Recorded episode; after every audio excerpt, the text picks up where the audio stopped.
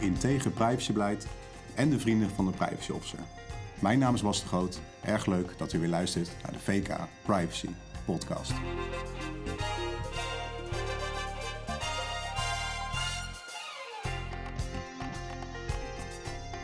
Nou, voordat ik uh, naar mijn inhoudelijke gasten ga, uh, eerst een leuk nieuwtje van, uh, over deze podcast. Namelijk dat onze privacy podcast is toegelaten tot het expert podcast netwerk van BNR. Dat betekent dat wij ook dus te beluisteren zijn op de website van BNR.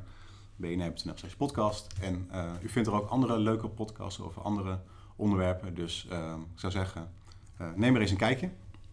En we gaan naar de eerste gast van vandaag, Frank van Vonderen privacy expert bij, bij VK. Welkom. Dag, dankjewel. Um, Frank, ik sprak jou laatst en jij zei van uh, nou, de, de, volgende podcast, daar wil ik iets vertellen over de vrienden van de privacy officer. Ja. En um, nou, mijn eerste vraag was eigenlijk meteen van waarom heeft de privacy officer eigenlijk vrienden nodig? Nou ja, waarom de privacy officer vrienden nodig heeft, is omdat hij het niet in zijn eentje kan doen. Je kan een organisatie eh, niet privacy bewuster maken door alleen maar hard te roepen dat het moet gebeuren. Ik denk ook dat het verstandig is om de organisatie uit te leggen wat mensen daar zelf in kunnen doen. Um, de goede omgang met persoonsgegevens, daarvoor heb je echt de mensen nodig die ermee werken. Dus het gaat erom dat je als privacy officer weet welke mensen heb ik nodig, welke mensen hebben taken, rollen en verantwoordelijkheden. Uh, hoe kan ik ze daarop wijzen en hoe kan ik zorgen dat mensen hun eigen verantwoordelijkheid nemen om te zorgen dat ook persoonsgegevens goed worden gebruikt en beschermd. Dus het is ook uh, van belang dat de privacy officer goed weet uh, uh, wie, wie welke functie bekleedt en dat hij ook daar de toegang toe heeft en goed die netwerken kan, kan leggen. Ja, absoluut. Um, sowieso ligt natuurlijk altijd de relatie tussen privacy en bijvoorbeeld de persoonsgegevens van je medewerkers. Nou, wie anders dan uh, aan de HR-kant, de HR-verantwoordelijke, weet ook uh, zijn verantwoordelijkheid op dit gebied. Mm -hmm. De privacy officer kan de HR-manager daarop wijzen, ja. mee helpen, mee ondersteunen, om in ieder geval te zorgen dat de persoonsgegevens van werknemers passend worden uh, gebruikt en passend worden beschermd. Dus een goede relatie met de HR-manager is, is nou ja, heel erg belangrijk. Je noemt nu één voorbeeld. Um, wie zijn nog meer de vrienden van de privacy officer? Nou ja, het liefst zoveel mogelijk. Want dat maakt het, uh, het leven voor de privacy officer alleen maar makkelijk. Maar er liggen natuurlijke relaties met, met de security officer. Daar hebben we het al een keer eerder over ja. gehad. Uh, maar sowieso natuurlijk ook aan de ICT-kant. Um, en verder moet je natuurlijk op zoek gaan naar de plaatsen binnen je organisatie waar de persoonsgegevens worden gebruikt. Ik noemde net HR, maar heel veel organisaties die hebben ook primaire processen waarin persoonsgegevens worden uh, gebruikt en verwerkt. Met name aan de consumentenkant ja, de eigenaren van dat soort processen, die zijn ook bezorgd en begaan met het wel en wee van hun klanten. En daarmee is een bescherming van persoonsgegevens is ook een onderdeel van kwaliteit. Als je klanten goed wil bedienen, moet je ook zorgvuldig omgaan met hun persoonsgegevens. In dat geval zijn ook die procesverantwoordelijken je vrienden. Ja, en ik kan me voorstellen dat ook andere, andere medewerkers, hè, als het gaat om, om communicatie naar buiten toe, dat je die ook te vriend wil houden, om zo maar te zeggen. Klopt. Als privacy officer heb je natuurlijk een aantal functies, uh, een aantal verantwoordelijkheden die erbij horen. Het gaat dan onder andere over transparantie. Uh, maar een privacy officer is niet degene die uiteindelijk naar betrokkenen toe communiceert. Is ook niet degene die bepaalt uh, wat er op de website moet komen te staan of een inzageverzoek, hoe er moet worden afgehandeld. Het zijn allemaal communicatieaspecten. Nou, en als je als organisatie de luxe hebt dat er ook mensen zijn die verstand hebben van communicatie, is het voor de privacy officer alleen maar verstandig om daar gebruik van te maken. Want dat zijn de mensen die weten hoe je je stakeholders, hoe je je klanten, hoe je je betrokkenen, hoe je, je nou, alle mensen om je heen kunt spreken, kunt beïnvloeden en hoe je ermee kunt communiceren. Dus maak vooral gebruik van die kennis. En um, ik vraag me af, hè, je, noemde het voorbeeld van communicatie, HR. Hoe, um, hoe treed je dan op als privacy officer? Loop je dan gewoon binnen en zeggen van nou, hoi, ik ben een privacy officer en um, privacy is belangrijk, ook voor, ook voor jullie? Of zeg je van, nou, ik kan jullie helpen? Um, welke aanpak zou je kiezen als je privacy officer zou zijn? Nou, wat ik altijd prettig vind is na wel het binnenlopen en hooi zeggen, het persoonlijke contact met andere woorden. Ik denk wel dat het verstandig is om het belang van privacy uit te leggen in de termen uh, die ook van belang zijn voor de mensen met wie je spreekt. Ja. Um, wat ik net zei, over naar een HR-manager toe gaan en zeggen: Ik vind privacy belangrijk en jij moet er wat mee doen dat helpt niet zo. Een HR-manager spreekt, spreek je denk ik wel aan op zijn verantwoordelijkheid voor het welzijn van de medewerkers. Van daaruit is privacy van belang. Van daaruit zal hij ook het argument voelen. Een ander voorbeeld, een afdeling inkoop.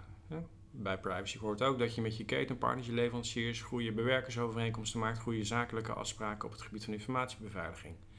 Nou, voor inkopers is het helemaal niet nieuw om goede zakelijke afspraken te maken met, met leveranciers. Alleen dat heeft men nooit gedaan op het gebied van privacy. Nee. Loop dan naar binnen, laat je zien en geef aan hoe zij hun werk nog beter kunnen doen. Om aan die standaard van afspraken die men sowieso al maakt, om ook privacy-gerelateerde termen toe te voegen. Nou, op die manier kan je vanuit hun perspectief aangeven: goh, waarvoor ben ik verantwoordelijk? Hoe kan ik mijn werk nog beter doen? En tegelijkertijd goed met privacy omgaan. Ja, want zeker bij inkopen, hè, je hebt dan leveranciers en die, uh, die verwerken persoonsgegevens, maar een privacy officer heeft over het algemeen meer inzicht in de gevoeligheid van die gegevens. Hè. Een inkoper die, die ziet misschien een bepaalde applicatie, uh, waarvan de privacy officer meteen, meteen al doorziet van oh, het gaat hier om bijzondere persoonsgegevens of uh, gevoelige, gevoelige persoonsgegevens. Dus daarin, daarin vult de privacy officer ook de inkopen aan. Nee, ja, zo kun je elkaar ook helpen. Kijk, de privacy officer is ook zeker niet iemand die alleen maar taken over de schutting knikkert, om het zomaar populair uit te drukken. Maar je helpt elkaar. De privacy officer spreekt de inkoper aan op zijn verantwoordelijkheid. De inkoper vraagt de privacy officer: help mij dingen te herkennen. En van daaruit ontstaat er, als het goed is, een samenwerking. Ja, Frank, je hebt nu verschillende uh, afdelingen genoemd binnen de organisatie. Mm -hmm. Zou een privacy officer ook niet vrienden moeten worden met uiteindelijk het bestuur, het management? Uh, en hoe? Ik denk het wel. Nou ja, vrienden. Je hebt natuurlijk de privacy officer die de organisatie helpt en de functionaris gegevensbescherming die toezicht houdt. Uh, voor het laatste hoef je niet per se vrienden te zijn. Uh, als je het onderwerp privacy wil stimuleren binnen de organisatie, wat meer de rol is voor privacy officer voor mij, weet ik niet of je vrienden moet zijn met de bestuurder, maar je moet wel heel helder naar elkaar kunnen maken wat het belang is van privacy voor een organisatie, wat de toegevoegde waarde is. Ja. Ehm, en daarover moet je goed in gesprek zijn. En dan is het alleen maar prettig als je vrienden bent. Maar het is geen, rand, geen randvoorwaarde. En uh, afsluitend, uh, zijn er ook vijanden van de privacy? Vijanden? ja, als privacy adept is het natuurlijk moeilijk om voor te stellen dat iemand hier vijand van zou zijn. Wat ik wel zie is dat het natuurlijke belang van bijvoorbeeld marketeers tegen, tegen de privacybelangen indruisten. privacy is de, vanuit privacy is de gedachte dat iemand zelf moet kunnen bepalen wat er met zijn gegevens gebeurt. En marketeers willen het ook graag weten, wat gaat het gedrag van mijn consument zijn, van mijn gebruiker. Uh, en daar zit, daar zit wel wat spanning tussen. Sterker nog, er zit behoorlijk wat spanning tussen. Wat wil je nou weten dat een individuele consument doet, of wat wil je weten wat een generieke consument doet? Um, en daar zit ergens de grens. Ja. Marketeers willen graag zoveel mogelijk weten van wat klanten doen. En vanuit privacy is de gedachte, ja, je wil wel de customer journey hebben, maar je hoeft het niet van de iedere individuele klant te weten. Nou, hoe je dat dan precies doet, hoe je dat in beeld brengt, um, daar zit wel eens wat spanning tussen, wat vijanden tussen. En marketeers leggen graag de grens ergens anders dan wat de privacy officer zou willen.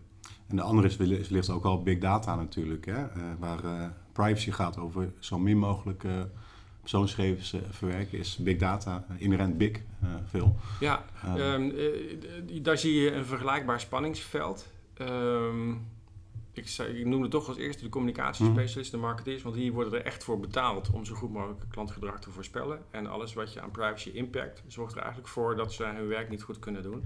Ja. Dus dat, dan komt het wel heel dicht bij jezelf. Maar je hebt gelijk, je ziet eenzelfde spanningsveld bij big data. Frank, dankjewel.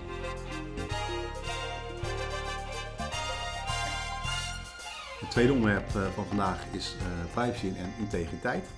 En uh, dat doen we ook aan de hand van een boek een boekbespreking als het ware, net als de vorige uitzending.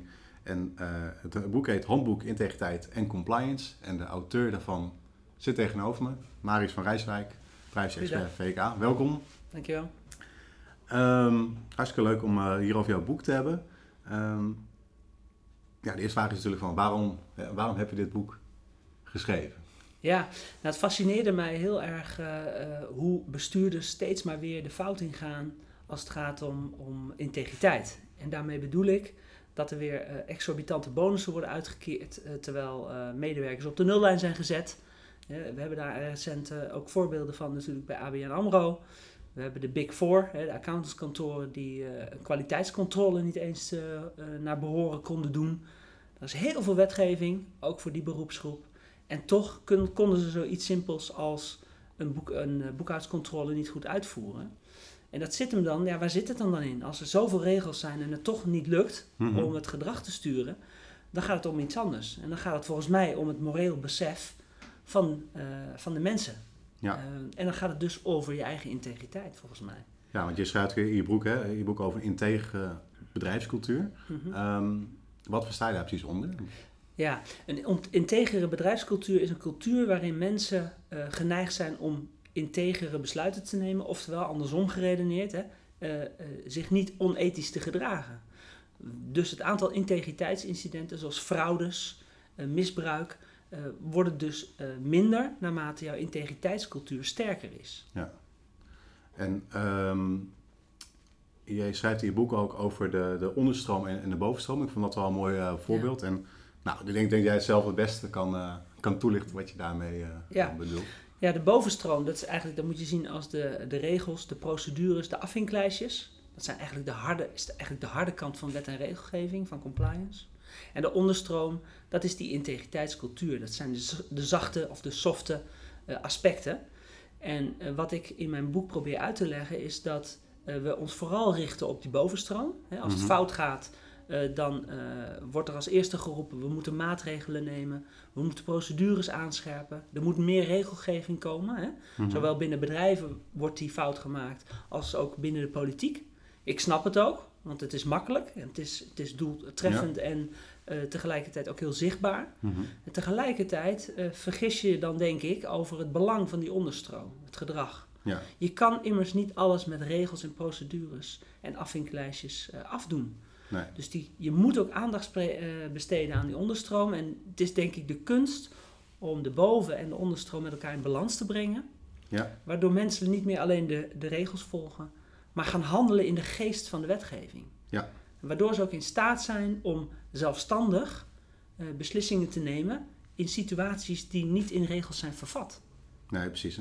Over het laatste, uh, daar komen we straks nog uh, terug. Ik wil nog, hebben, nog even hebben over de bovenstroom. Hè. Je hebt het ja. schrijft in je boek ook je boek over window dressing. Hè, dat het ja. formeel, uh, dan, dan klopt het op dat moment. Maar je weet gewoon wat, ja, dat het niet altijd zo goed loopt binnen een bedrijf. En toen ik dat las, moest ik, moest ik denken aan mijn, uh, aan mijn uh, toen, ik zelf vroeger werkte in een winkel. Ja. had je een uh, rayonmanager en die ging dan een rondje doen langs alle filialen. En dan op een gegeven moment toen, toen, toen werd er bekend van hij is onderweg. En dan gingen al die, al die winkels naar elkaar bellen. En dan ging iedereen ging de, de producten rechtzetten en uh, iedereen ging mm. netjes overhemd aandoen en dergelijke. Ja. En, je, en, je, weet gewoon dat de volgende dag, als hij niet meer is, uh, dat maar de vraag is of, of ja. de winkel er nog zo goed eruit ziet voor de klant. En dat is natuurlijk ook gewoon bij heel veel bedrijven met audits. Uh, het, het, gaat vaak om het moment en vaak worden audits ook, de mensen die het ondergaan, die worden ook getraind om het juist op ja. dat moment goed te doen. Um, en we zitten hier toch nog aan, toch in, in, in, de, in, de, in de privacy podcast, dus ik vind het wel interessant Zie jij ook uh, window dressing in de privacy hoek?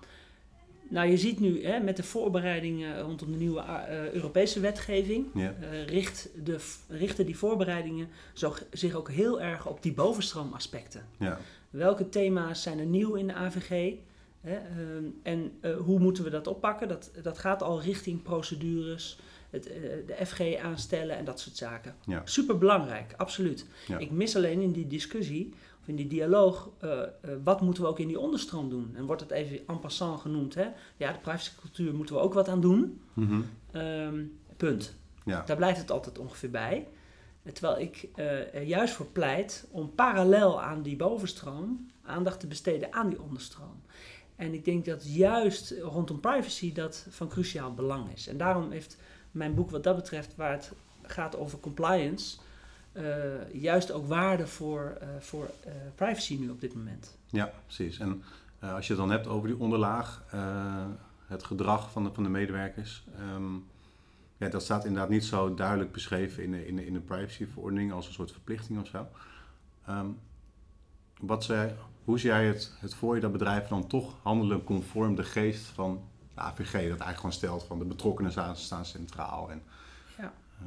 ja, kijk, een, voor, even iets wat van belang is vooraf nog, is dat die uh, AVG, die Europese wetgeving, die heeft ook heel veel open normen. Mm uh, daar waar je open normen hebt, uh, weet je dus niet wat jouw richting is. Je hebt geen kompas Nee. voor eh, hoe je die wetgeving moet invullen. En eh, toevallig hadden we gisteren ook weer een bijeenkomst, hè, een workshop met, met klanten. En waarbij dus eh, ook weer die vraag komt, ja, maar wat zijn dan passende organisatorische en technische maatregelen? Ja. Wat wordt er verstaan onder een, ver- een waarschijnlijk verhoogd risico? Ja. Al dat termen komen langs en organisaties weten niet hoe ze dat moeten invullen. Ja. Wat ik zou ook teruggeven is dan, ja, waar de wetgeving ophoudt, want dat is een minimum vereiste, eh, gaat het over je eigen moraliteit, je eigen morele besef. Ja. Eh, van hoe gaan wij met klanten om? Hoe willen wij met klanten omgaan? Dat is een integriteitsvraag Ja. rondom privacy. Nou, hoe krijg je dat besef binnen die organisatie? Ja, dat kan op heel veel manieren. Eh, maar een van de belangrijkste is natuurlijk het voorbeeldgedrag van leidinggevenden. Ja, dat beschrijf je ook uitgebreid in je boek. En ik sla nu het boek even open. Ehm, ik vind het even interessant hoe je, hoe je dat beschrijft. Hè? En dat, het gaat dan voornamelijk over dat leidinggevenden ook moeten uitdragen. Hè? In dit Ja. geval schrijft het over integriteit, maar het geldt natuurlijk net zo voor privacy, dat privacy belangrijk is. Ehm, vraag, ik vraag me af, als, als het MT privacy niet per se heel belangrijk vindt. Hè? Ja. Als ze zeggen van nou, de pakkans is klein voor boetes, dus Mhm. nou, voor ons is het niet zo. Ehm, dan is het wel een uitdaging, lijkt mij. Ja, ik zie in de praktijk eh, ook een, een kwaliteitsfunctionaris of, of een privacy officer of een andere functionaris die dan het zelf heel erg belangrijk vindt. Of de ICT-afdeling die zegt, jongens, we moeten hiermee, want er is nieuwe wetgeving. En dat een bestuurder daar dan heel ja, afwijzend tegenover staat. Die het belang niet inziet eh, of denkt van, nou, eh, dat, dat gaat zo'n vaart niet lopen. Of soms zelfs denkt eh, van, joh, dat is niet op, op ons van toepassing. Ja, Dat gebeurt. Eh, ik zie dit om me heen. En tegen die bestuurders zou ik eh, met name willen zeggen: ja, doe het ook vooral niet omdat er boetes aan zitten te komen. Want die Nee. zitten daar aan te komen. En die zijn niet mals. Maar dat is een verkeerde incentive, denk ik. Ehm, het zou moeten je zou met privacy aan de slag moeten gaan omdat je het vertrouwen van je klanten wil behouden. Eh, en uit respect eh, ook voor je klanten en voor jouw persoonsgegevens van die klanten. En ik zou het adagium weer terug willen halen van ja, wat u niet wilt, wat u geschiet, doe dat ook een ander niet. ja. En die geldt denk ik des te meer voor de privacywetgeving op dit moment. En ehm, je noemt in je, boek een aantal voorbeelden om, eh, hè, om, uitdrukking te kunnen- geven als leidinggever dat je privacy belangrijk vindt. Eh, hoe, hoe gaat het dan praktisch dan in zijn werk? en dan schrijf je ook bijvoorbeeld aanwezigheid van, de- van het management eh, bij trainingen. Nou, het gaat om integriteit, maar dat kun je natuurlijk ook op privacy eh, Mhm. plotten, denk ik. Ja, dus, eh, absoluut. dus dan zou ik me zo voorzien dat hè, er, er komt een, een training van bijvoorbeeld een privacy officer of een FG. ehm, dat daar dan het management eh, openings, eh, de opening bij doet bijvoorbeeld. Ja. Zijn, Ik heb het gewoon in de praktijk ook gezien hoe effectief het kan zijn. Eh, bij een aantal organisaties eh, waar ik rondloop of rond heb gelopen, eh, heb ik verschillende kanten gezien. Heb ik enerzijds gezien dat bestuurders en directeuren aanwezig waren bij dat soort eh, sessies en bijeenkomsten over privacy. Eh, en, en ik heb organisaties gezien waar ze niet aanwezig waren. En de kritiek die toch altijd komt is, ja, waarom moeten wij dat dan wel? En zij lappen het aan hun laars. Hè? Dat is even de basale kritiek die er dan ook vanuit de werkvloer terugkomt. Ja, dat wil je gewoon als bestuurder niet. nee, Dus zorg dat je daar zit. Je hoeft er ook niet de hele tijd bij te zijn. Maar maak het belang daar weer kenbaar. De impact daarvan is, is, eh, is gewoon vele malen groter. die betrokkenheid, dat hoor je natuurlijk vaker, wel bij Mhm. meerdere onderwerpen. Klopt. Ehm, hoe kan je als bestuurder nou eh, sturen op integriteit? Ja, dat is een goede vraag, eh, Bas. Hoe kan je sturen op integriteit? Hè? Oftewel, hoe kan je sturen op die privacycultuur, waar je dan grip op wil hebben als bestuurder? Nou, in mijn boek beschrijf ik ook hè, dat eh, uit de omgevingspsychologie, dat we weten eh, hoe we die integriteitscultuur, eh, of privacycultuur, hoe we die positief beïnvloeden. Mhm. Eh, uit die onderzoeken, uit de vele onderzoeken die zijn gedaan, komen een aantal aspecten naar voren die je moet, je moet zorgen dat die binnen je organisatie aanwezig zijn. Nou, dan noem ik eh, persoonlijke aandacht door leidinggevenden. Ik noem het, het organiseren van tegenspraak. Zorgen dat er zelfreflectie mogelijk is. Dat er nuttige overtolligheid is. Nou ja, meer van dat soort zaken zijn, heb ik natuurlijk in mijn boek beschreven. Hè? Ja, Maar daarmee krijg je grip als bestuurder op die integriteitscultuur, op die privacycultuur en wordt die meetbaar en voorspelbaar. dankjewel. Eh in de show notes eh, zullen we een link eh, naar je boek zetten, zodat de luisteraar nog, eventueel nog verder kan lezen. En eh, nou, wie weet tot de volgende keer. Graag gedaan.